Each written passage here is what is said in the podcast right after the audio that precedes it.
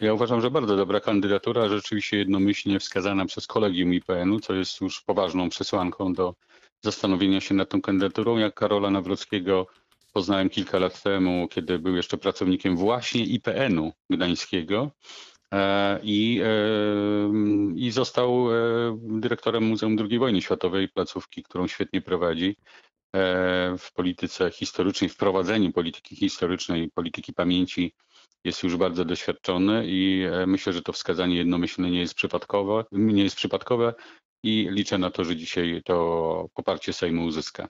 Jakie najważniejsze w Pana ocenie wyzwania stoją przed prezesem IPN? Czy IPN wymaga zmian? Bo na przykład Lewica zapowiada od kilku dni e, projekt, który doprowadzić ma do likwidacji tej instytucji. No, no niestety nawet Platforma Obywatelska to zapowiada oficjalnie w swoim programie.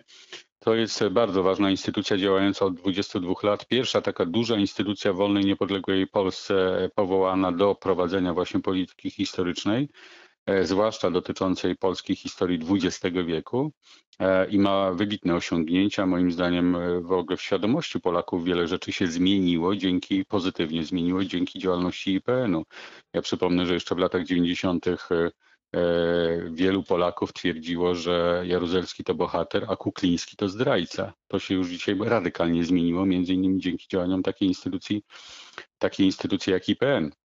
E, więc e, mówiono o żołnierzach wyklętych jeszcze w latach 90., że to bandyci. Bardzo wielu jeszcze Polaków tak mówiło, taki miało stereotyp w głowie utrwalony. E, dzięki pracy systematycznej IPN-u to się też, e, też zmieniło. To, jest, to są setki publikacji książkowych, czasopism, e, lekcji edukacyjnych w szkołach. Oczywiście też odkrywania prawdy o polskiej historii XX wieku, zwłaszcza PRL-owskiej. Więc, więc to jest instytucja bardzo zasłużona i mam nadzieję, że nigdy do władzy nie dojdą siły, które taką szkodę by Polsce wyrządziły, likwidując tę ważną dla Polski instytucję. To kończąc ten wątek, e, ma Pan takie przekonanie, że to jest e, instytucja apolityczna? Wie pan, ja w ogóle pojęcie polityka traktuję jako rzecz niezwykle pozytywną, arystotelesowską, czyli e, działanie na rzecz dobra wspólnego. Więc e, jeżeli ktoś działa na rzecz dobra wspólnego, to mogę powiedzieć, e, uprawia politykę. Więc, więc ja, ja rozumiem, że bardzo często w, w jakichś stereotypach medialnych czy w opinii publicznej polityczność oznacza partykularność. Nie, polityczność oznacza działanie na rzecz dobra wspólnego i w tym sensie IPN jest instytucją polityczną, że działa na rzecz dobra wspólnego Polaków. No to e, zmieniamy e, temat. E, kiedy w życie wejdzie ustawa o uprawnieniach artysty zawodowego? Czy ta kwestia faktycznie wymaga regulacji, czy, czy los artystów to ciężki los?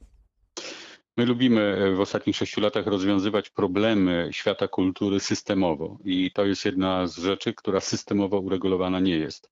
Otóż artyści, których piersi policzyliśmy, nigdy przed nami nikt tego nie zrobił, przyjmując bardzo proste kryterium. E, artyści, artysta to ten, który przede wszystkim swoje dochody czerpie z działalności artystycznej, ze sprzedaży swoich e, swoich tworów artystycznych.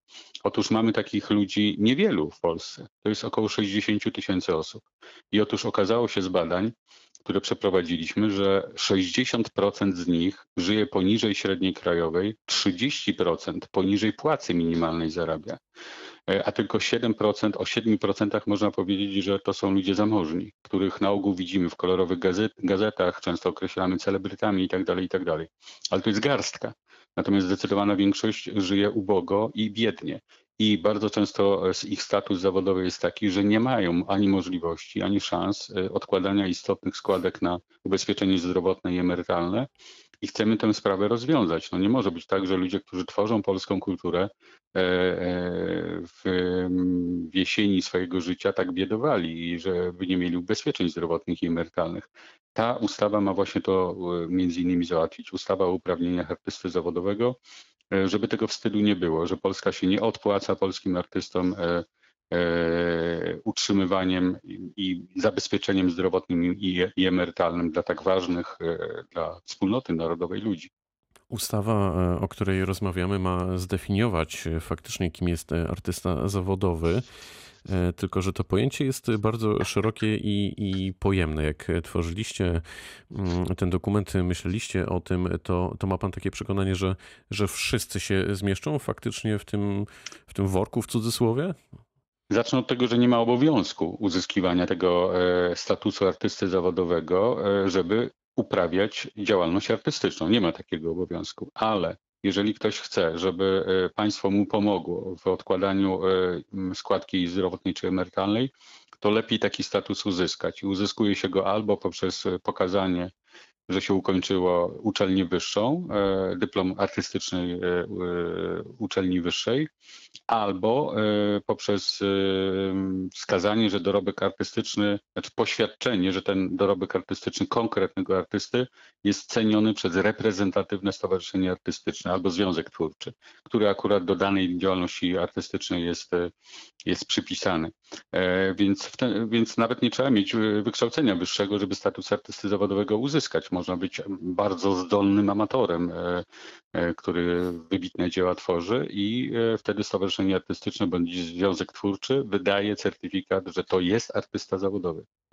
Czy Prawo i Sprawiedliwość e, i w ogóle obóz Zjednoczonej Prawicy powróci jeszcze do idei wprowadzenia podatku reklamowego i czy redakcje mają się czego e, obawiać? Bo ten temat e, wiele miesięcy temu był gorącym tematem, rozprającym emocje, wyobraźnię. Na jakim to jest dziś etapie?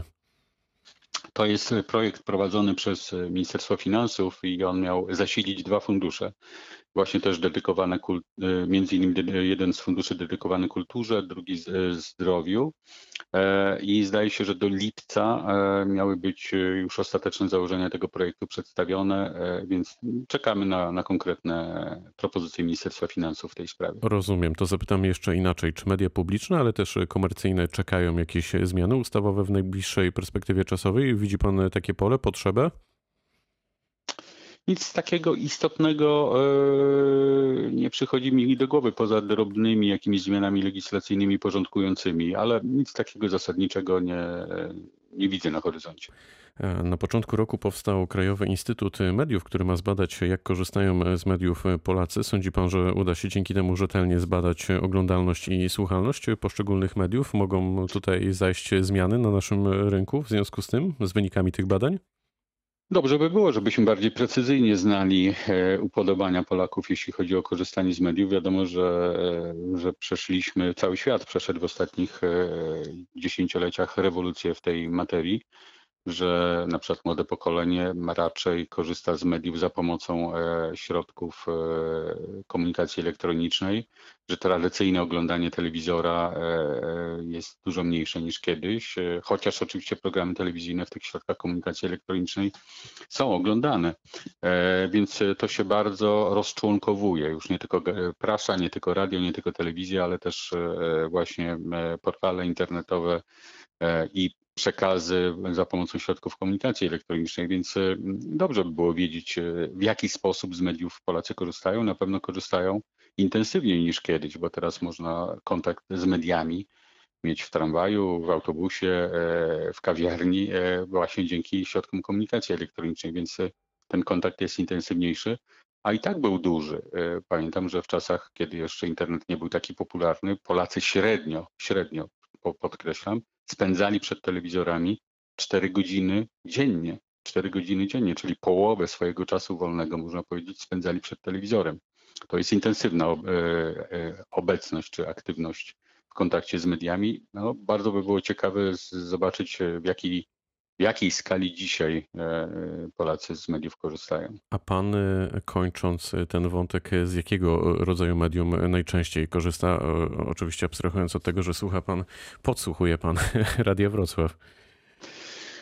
No oczywiście tak na, na, na co dzień to tablet, iPad, e, smartfon, gdzie zaglądam po prostu do różnych informacji dla mnie istotnych, bo to jest zawsze pod ręką, ale bardzo lubię słuchać radia, radia na przykład dwójki radiowej, gdzie jest dobra muzyka klasyczna, jazzowa, radia informacyjnego jak Polskie Radio 24. E, e, lubię również radia rockowe, takie w Warszawie też mo można złapać. E, ale Czyli to raczej radio. Ale znajduję na to czas raczej jeżdżąc samochodem. No, przy mojej pracy To e, prawda. innych możliwości praktycznie nie ma. To na koniec e, jeszcze pytanie o raport Najwyższej Izby Kontroli na temat e, tak zwanych wyborów kopertowych. E, Czy pana zaskoczyły wyniki, które przedstawił jego szef, pan Marian Banaś? Przede wszystkim sprzeciwiam się temu pojęciu, bo to jest złośliwe pojęcie wybory kopertowe. To miały być wybory podkreśliłem korespondencyjne. tak zwanych. Tak, tak. To, są, to miały być wybory korespondencyjne, przewidziane w polskim prawie dla osób z niepełnosprawnościami na przykład. Zawsze były. E, Jakiś, jakiś mm, element wyborów korespondencyjnych w ostatnich latach był. Tutaj była próba poszerzenia tego uprawnienia do wyborów korespondencyjnych ze względu na sytuację, którą mieliśmy. Przypomnijmy sobie pierwszą falę pandemii. Ona była e, totalną paniką. Pamiętamy polskie ulice, pół, kompletnie puste. Ludzie siedzieli naprawdę w domach, bo to, był, e, to było to pierwsze uderzenie, które nas wszystkich zaskoczyło i wystraszyło. A tymczasem z punktu widzenia prawa w Polsce i konstytucji mijał termin kadencji prezydenta. Trzeba było zarządzić nowe wybory. Nie, one nie mogły być e, odkładane ad acta. E, Więc, e, więc to była próba rozwiązania tego problemu, czyli, czyli szacunku dla polskiej konstytucji i prawa do e, uczestnictwa Polaków w demokratycznych wyborach e, w, normalnym terminie. To kto ma Potem rację, oczywiście- jak pan sądzi w tej kwestii? Jak słuchają nas słuchacze, komu tutaj e, powinniśmy uwierzyć? Czy to jest szef NIK, czy to są politycy partii rządzącej, którzy też mają swoje racje? Oczywiście, że my mamy rację, mówię o rządzących, bo to było naszym obowiązkiem e, e, doprowadzić do tego, żeby były możliwe wybory. Jak, jak byśmy wyglądali, gdybyśmy wyborów nie przeprowadzili, gdyby nie było istotnego elementu władzy państwowej w Polsce, e, który mm, prezydent przecież na samym końcu na przykład podpisuje, podpisuje ustawy. I pan premier miał prawo wydać dwóm firmom, które mogły tę, tę, tę sprawę technicznie załatwić, wydać rozporządzenie czy polecenie e, do przygotowań, do przygotowań do e, wyborów korespondencyjnych. Potem się sytuacja inaczej potoczyła, wybory zostały odłożone e, z maja na lipiec, ale e, w kwietniu i, a zwłaszcza w lutym, kiedy pani marszałek zarządziła termin wyborów na 10 maja i jeszcze wtedy pandemii nie było, nikt tego nie wiedział, że taka sytuacja nastąpi, więc e, było obowiązkiem władzy zapewnienia tych wyborów w optymalnych warunkach, a, a te optymalne warunki ze względu na bezpieczeństwo obywateli to był pomysł wyborów korespondencyjnych i mieliśmy prawo e, Polskę do tego przygotowywać. Musimy powoli kończyć. E, Sądzi pan, że będą kolejne raporty, że Marian Banaś e, dopiero się rozkręca? Nie mam pojęcia, nie znam planów urzędowych, ale niestety też to tak oceniam w tym przypadku politycznych z intencją pana e, Mariana Banasia, ale spokojnie na to patrzymy, uważamy, że argumenty są po naszej stronie. To już absolutnie na koniec. E, Czy Marian Banaś to jest pomyłka Prawa i Sprawiedliwości? To był błąd i czy ten błąd ewentualnie da się naprawić? Pan, ja znam ży- życiorys pana Mariana Banasia i ten z czasów opozycji demokratycznej godny i z czasów, kiedy e, uszczelniał system podatkowy w Polsce i to są dobre osiągnięcia pana Banasia. Natomiast e, jeżeli jakiś błąd, to tylko ten, że mm, w momencie, kiedy powoływaliśmy go na szefa Naj- Najwyższej Izby Kontroli, nic nie wiedzieliśmy o tym, że są jakieś wątpliwości, które potem się pojawiły w przestrzeni publicznej dotyczące źródeł jego majątku osobistego i jego syna. E, To jest kłopot, który się Musimy nagle kończyć. pojawił, który się nagle pojawił, który wymaga wyjaśnienia. Wiceminister Kultury, Dziedzictwa Narodowego i Sportu Jarosław Selin był gościem rozmowy dnia. Pięknie dziękuję za spotkanie. Dziękuję, miłego dnia życzę. Pytał Dariusz Wieczorkowski. Dobrego dnia.